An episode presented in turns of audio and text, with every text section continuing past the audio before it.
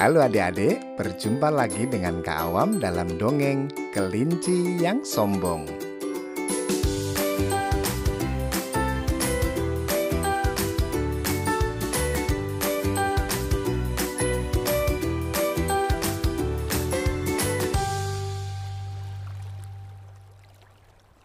Pagi hari, di sungai yang terletak di tengah hutan, banyak binatang sedang berkumpul. Mereka terdiri dari kura-kura, monyet, burung, dan ikan. Mereka sedang berolahraga ringan sambil bercanda satu dengan yang lain. Tak lama kemudian, datanglah seekor kelinci.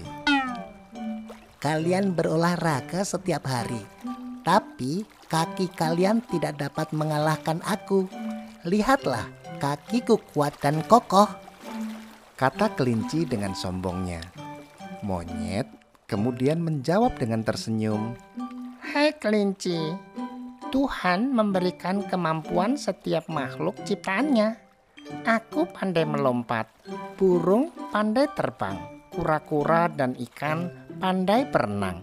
Jadi tidak boleh menyombongkan diri. Aku hanya mengatakan kakiku lebih kuat dari kaki kalian. Itu tetap sombong. Tidak boleh kelinci. Kata burung menasihati kelinci yang terlihat tidak suka dan terus menghentak-hentakan kakinya. Oi, ayo kita buktikan siapa yang hebat. Kita lomba berlari. Semua terdiam karena semua sangat yakin bahwa kelinci memiliki kemampuan melompat dan berlari dengan cepat. Tiba-tiba kura-kura berseru, Aku mau menemanimu berlari, wahai kelinci. Tapi aku tidak mau saling mengalahkan. Kita sama-sama berolahraga saja. Nah, begitu lebih baik. Ternyata ada yang berani menemaniku berlari. Lihatlah pohon besar di seberang jembatan itu.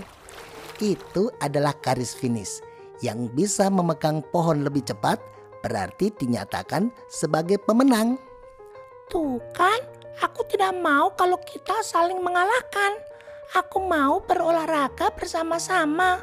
Ah, terserah apa katamu. Kura-kura kemudian bersiap untuk menemani dan tidak mau menganggap itu adalah perlombaan. Kura-kura lebih senang bersama-sama berolahraga karena ia adalah binatang yang tidak cepat berlari, berbeda dengan kelinci yang sudah bersiap untuk berlari dengan cepat.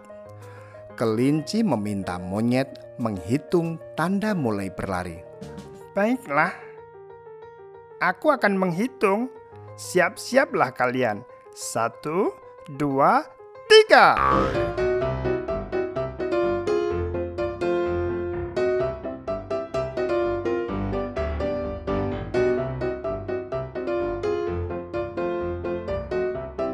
Kelinci berlari dengan cepat, meninggalkan kura-kura yang berjalan perlahan.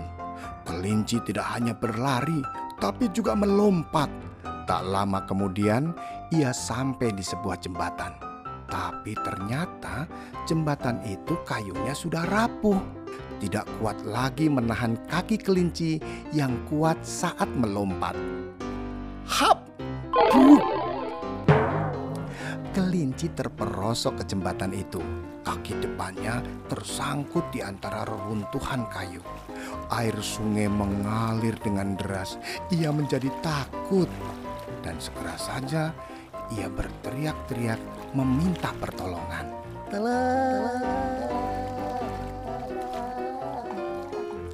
Kura-kura berjalan perlahan dan tiba di jembatan. Ia mendengar suara kelinci yang meminta pertolongan. Tidak menunggu lama, kura-kura langsung terjun ke sungai dan berenang tepat di bawah kelinci yang menggantung di kayu jembatan. Ayo kelinci, berusahalah untuk melepas kakimu dari kayu yang menjepit. Kalau aku melepas kakiku ini, maka aku akan terjatuh ke sungai. Kau kan tahu, Aku tidak mampu berenang. Lihatlah, aku sudah bersiap di bawahmu. Ketika engkau jatuh ke sungai, langsung jadikan aku sebagai peganganmu. Aku akan segera membawamu ke darat. Ayo, jangan lama-lama. Cepatlah. Tidak berpikir panjang lagi, kelinci langsung melepaskan ikatan kayu di kakinya. Tentu saja yang langsung terjatuh. Seperti yang dikatakan kura-kura, kelinci langsung meraih badan kura-kura dan kura-kura adalah binatang yang ahli dalam berenang. Sekuat tenaga segera menuju ke daratan. Dan selamatlah kelinci.